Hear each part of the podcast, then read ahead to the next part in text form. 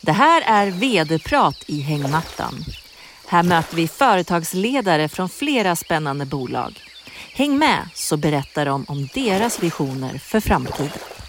Då är vi tillbaka med ett nytt avsnitt av vd-prat i hängmattan. Vi sitter här i slutet på juni. Det är en dag som innehåller mycket värme. Solen kanske inte skiner lika mycket som de tidigare men det är likväl varmt och hett här i studion. Och vi har med oss en intressant gäst som har bollat upp för heta diskussioner idag. Vi välkomnar Aktiespararnas vd Joakim Olsson. Tack så du ha.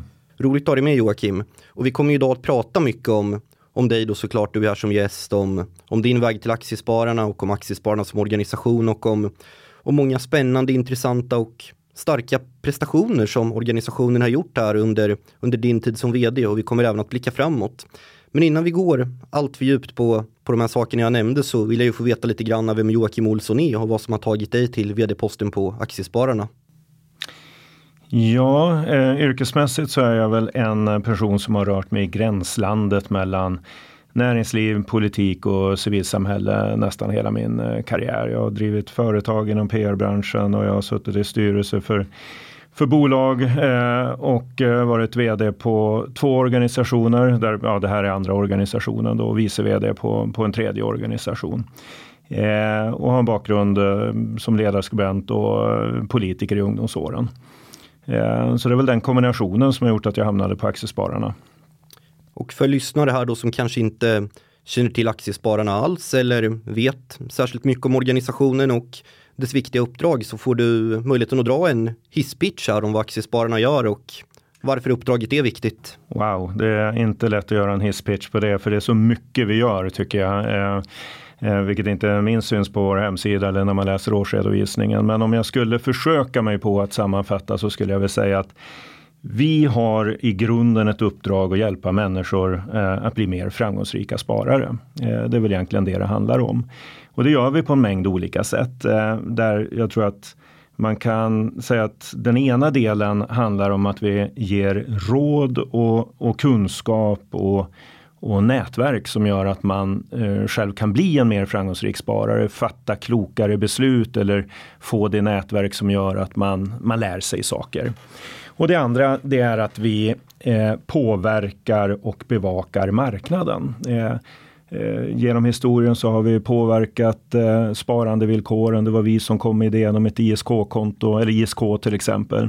Eh, vi bevakar bolag så att de, eh, de respekterar minoritetsägarna, småspararnas intressen helt enkelt och behandlar småsparare och storägare likvärdigt.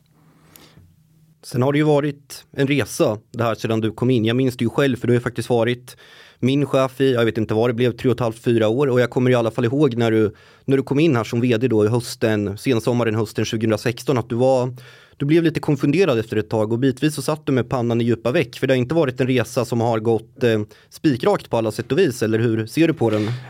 Nej men det är väl, det är väl sant. Jag, när, jag, när jag tillträdde som vd så hade jag Eh, Eh, tre uppdrag från styrelsen. Och det ena var att jag skulle se till så vi får ekonomi i balans. Det var andra att jag skulle lägga grunden för en framtida medlemstillväxt.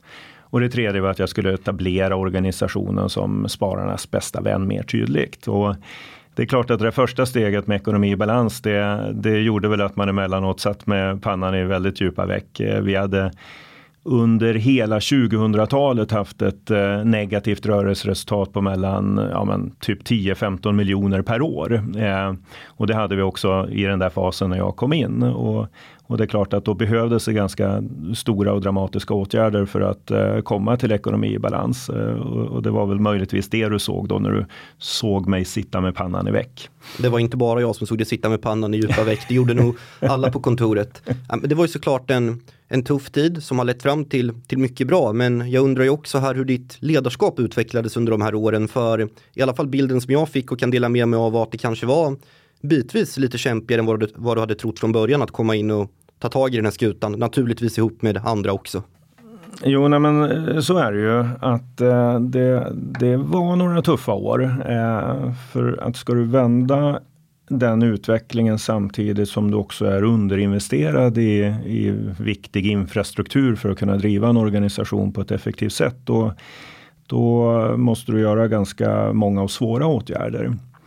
Eh, och det, det, gjorde vi ju också. Vi, vi, vi sålde till exempel vårt eh, dotterbolag Aktieinvest. Vi sålde fondbolaget. Vi gjorde ganska stora personalförändringar, flyttade till nya lokaler, investerade i ett nytt medlemssystem och så vidare och så vidare och så vidare. Eh, och eh, eh jag tror att sådana erfarenheter påverkar väl en som, som ledare. Jag tror i och för sig att alla erfarenheter man är med om som ledare påverkar en och, och gör att man eh, får en annan referensgrund eh, för framtida beslut. Så att eh, det är väl utvecklande samtidigt som det kan vara ganska krävande ibland också.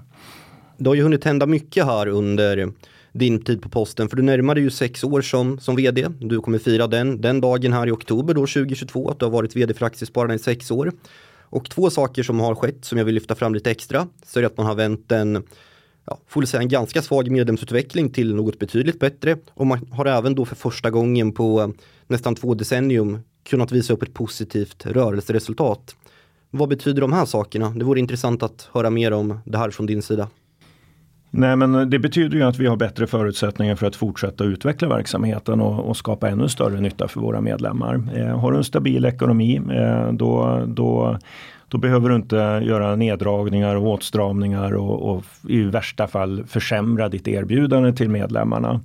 Eh, och har du medlemstillväxt så, så ökar intäkterna. Eh, så att, eh, det är en väldigt bra grund för oss att kunna fortsätta utveckla och investera för, för ökad nytta. Och det är precis det vi håller på med nu också. Du får utveckla på den sista punkten där för det finns ju möjligheter att investera som du var inne på och det görs ju fullt nu på Aktiespararna. Det har även jag sett på kontoret som jobbar bredvid att det, det är mycket spännande på gång. Men vad mer konkret gör man för att göra medlemserbjudandet ännu bättre? Ja, men just nu arbetar vi ganska intensivt med två olika projekt eh, och det ena är att eh, eh, göra ett helt nytag kring eh, vår digitala närvaro för den är, den är inte tillräckligt bra. Eh, och där är eh, målet kan man enkelt säga att eh, eh, oavsett vilket engagemang och intresse du har för, för aktier och fonder och sparande.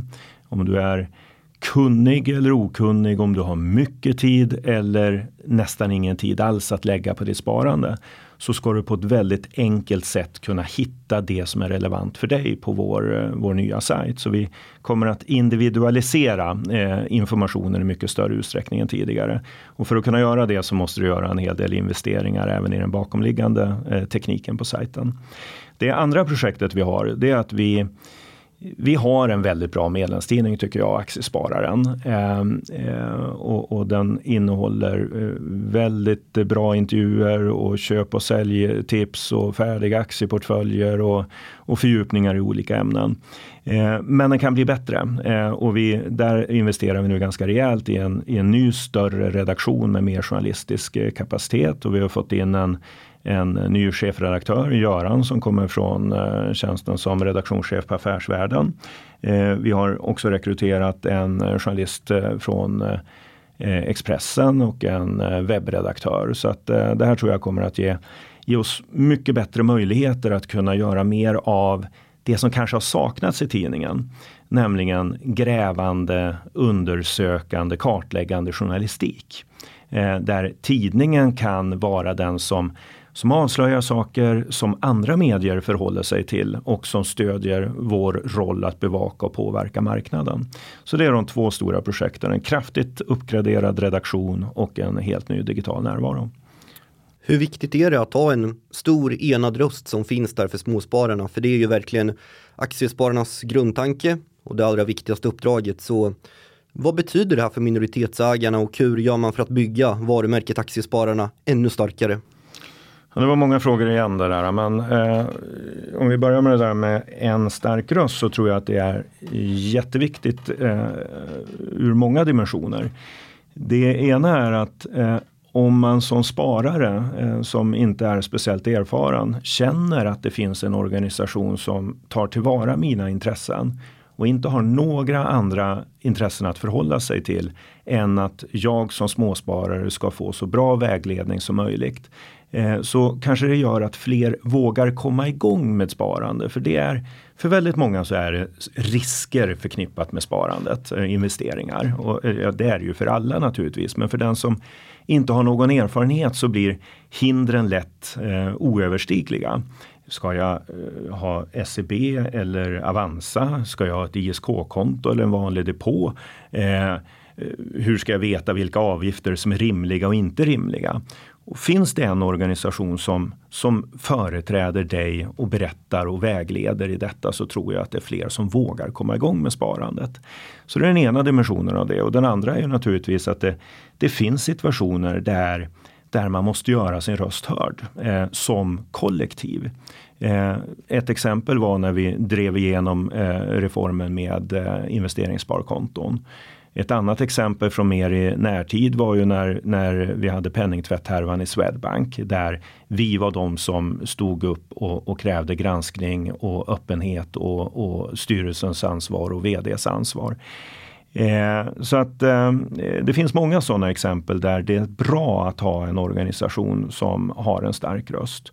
PPM eh, utmaningarna här nu med, med ett förändrat eh, fondtorg Eh, vi går in i en valrörelse nu där eh, vi på senare tid upplevt en, ett annat klimat när det gäller synen på kapitaltillgångar och beskattning. Så det finns sådana frågor där, där vi behövs.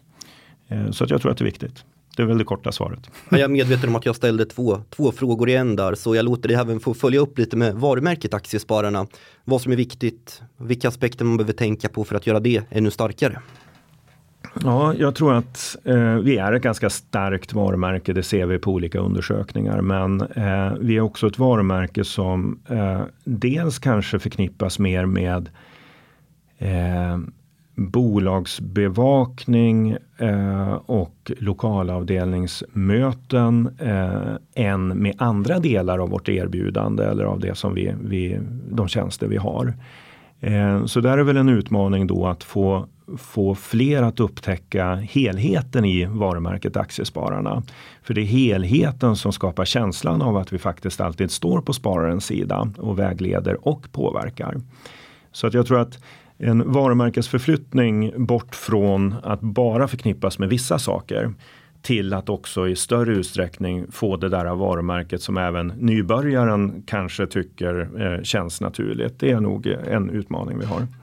När du ändå är inne på utmaningar så vore det intressant att höra mer om hur du ser på sådana framåt för organisationen. För som sagt, det finns investeringsmöjligheter, det finns mycket att göra, mycket som är på gång, men det gäller också att göra sakerna rätt. Så jag vill helt enkelt höra mer om hur man förhåller sig till olika typer av utmaningar och vilka de här är. Mm. Eh, nej men det finns ju hela tiden spännande utmaningar att ta tag i. Och vi har pratat lite grann om digitaliseringen och liksom en ny digital närvaro. Vi har pratat om att eh, kunna erbjuda ett, eh, ska vi säga, mer content i form av en grävande redaktion. Eh, och, och, det är ju två sådana utmaningar. Men eh, eh det är ju så att i all verksamhet så måste du hela tiden utvecklas i gärna snabbare än din omvärld, men minst i takt med att omvärlden utvecklas. Och och det tror jag är eh, utmanande för intresseorganisationer generellt sett. Därför att vi, vi styrs inte riktigt som ett eh, företag där du kanske har en eller några få större ägare som du måste få med dig på förändringsresan. Utan vi har 900 förtroendevalda i organisationen och vi har eh, 70 000 medlemmar. Eh, och där Eh, och det innebär att du måste lägga mycket mer tid och kraft på, på förankring av förändring än vad du kanske behöver göra i ett eh, företag där det, där det räcker med att du får med dig styrelsen så, så kommer du kunna göra förändringsresan. Så det skulle jag säga är den stora utmaningen. Vi har ju också ytterligare ett rekord att, att nämna här om vi studsar tillbaka lite till bedrifter och det handlar ju då om uppdragsanalyserna som befinner sig på rekordnivåer. Man slår nya rekordnivåer där. Vore kul om du utvecklar lite grann mer om hur det går med uppdragsanalyserna och även hur konceptet ser ut som helhet som erbjuds. Mm. Ja, vi har idag eh, 90 börsnoterade bolag som kunder inom uppdragsanalysverksamheten under varumärket Analysguiden. Eh, och det är en verksamhet där, där bolagets nytta eh, är att man får en analytiker, erfaren analytiker som följer och bevakar bolaget och kommenterar i anslutning ofta till delårsrapporter och bokslut. Eh, vad man tror om bolagets framtid eh, och vad som är rimlig värdering. Eh, bolaget har ju nytta av detta därför att man kanske vill få en ökad handel i aktien eller man vill få en mer, en mer spridd ägarbild. Eller så är det så att man generellt sett vill öka, få ökad kännedom kring bolaget. Man kanske står inför en kapitalanskaffningsprocess eller liknande. Och för oss är det naturligt att eh, bedriva den här verksamheten därför att vi eh, har ju många medlemmar som också vill ta del av analyser och är intresserade av att följa kanske andra bolag än de som finns på OMX30-listan. Eh, och, och, då är det ett sätt för oss att möjliggöra Eh, eh, så att säga, eh, underlätta eh, möjligheten att följa även mindre bolag. Eh, och, och eh, våra analytiker är erfarna, eh, vilket gör, och vi tummar aldrig på vårt oberoende. Så att, eh, det är väl det som är eh, kombinationen av Analysguiden. Det är att vi, vi levererar nytta till både företagen och till våra medlemmar. Så det är jättekul att vi har, över, eller att vi har 90 kunder idag. Vi är tredje störst på marknaden. Finns ju också som du är inne på där tidigare med en väldigt bra möjlighet och marknad för här i Sverige. Det har varit så otroligt stort aktieintresse om man jämför med andra jämföra och för den delen också större länder kanske i vårt närområde så svenskarna är ju galna i aktier. Det måste ju spela aktiespararna i händerna potentiellt. Ja, nej, men det är, ju, det, det är ju en förklaring både till att eh, vi kanske har ett stort intresse kopplat till uppdragsanalysverksamheten men det är också en förklaring till att vi är världens största eh, organisation för, för eh, aktieägare. Så att, eh, det är kul att det är ett stort intresse. Intresset skulle gärna få bli ännu större. För det är det effektivaste sättet att kunna bli ekonomiskt fri så småningom. Det är att regelbundet spara på börsen. Ja, det är ju någonting som, som alla borde göra med riskspridning, balans och bra stabil portfölj med minst 10 olika aktier säger man väl inom 5-6 branscher va? Fördelade ja, tio, på olika geografier. ja, precis, 10 till 15 tror jag att vi brukar säga. Eh, det kan ju vara fler också men då blir det svårare att, att bevaka och hålla ordning på, på sitt innehav. Så 10 till 15 är vad vi brukar rekommendera våra, våra medlemmar. Nu har du snart varit vd för Aktiespararna i sex år Joakim. Vi blickar framåt in mot framtiden lite grann här och tänker oss att vi sitter och pratar här igen 2027. Det känns ju ganska långt bort just nu kanske men hur tror du Aktiespararna kommer att se ut då och vad kommer du ha att berätta för mig som du inte kan berätta idag? David, vet du vad? Nu är vi 100 000 medlemmar. Eh, och vet du vad vi har gjort mer? Eh, vi har skapat en massa nya spännande nätverk eh, utifrån eh, ditt eller andras intresse så kan man nu välja att gå med i Aktiespararna för att tillhöra ett nätverk kopplat till ett intresse och inte bara en lokalavdelning.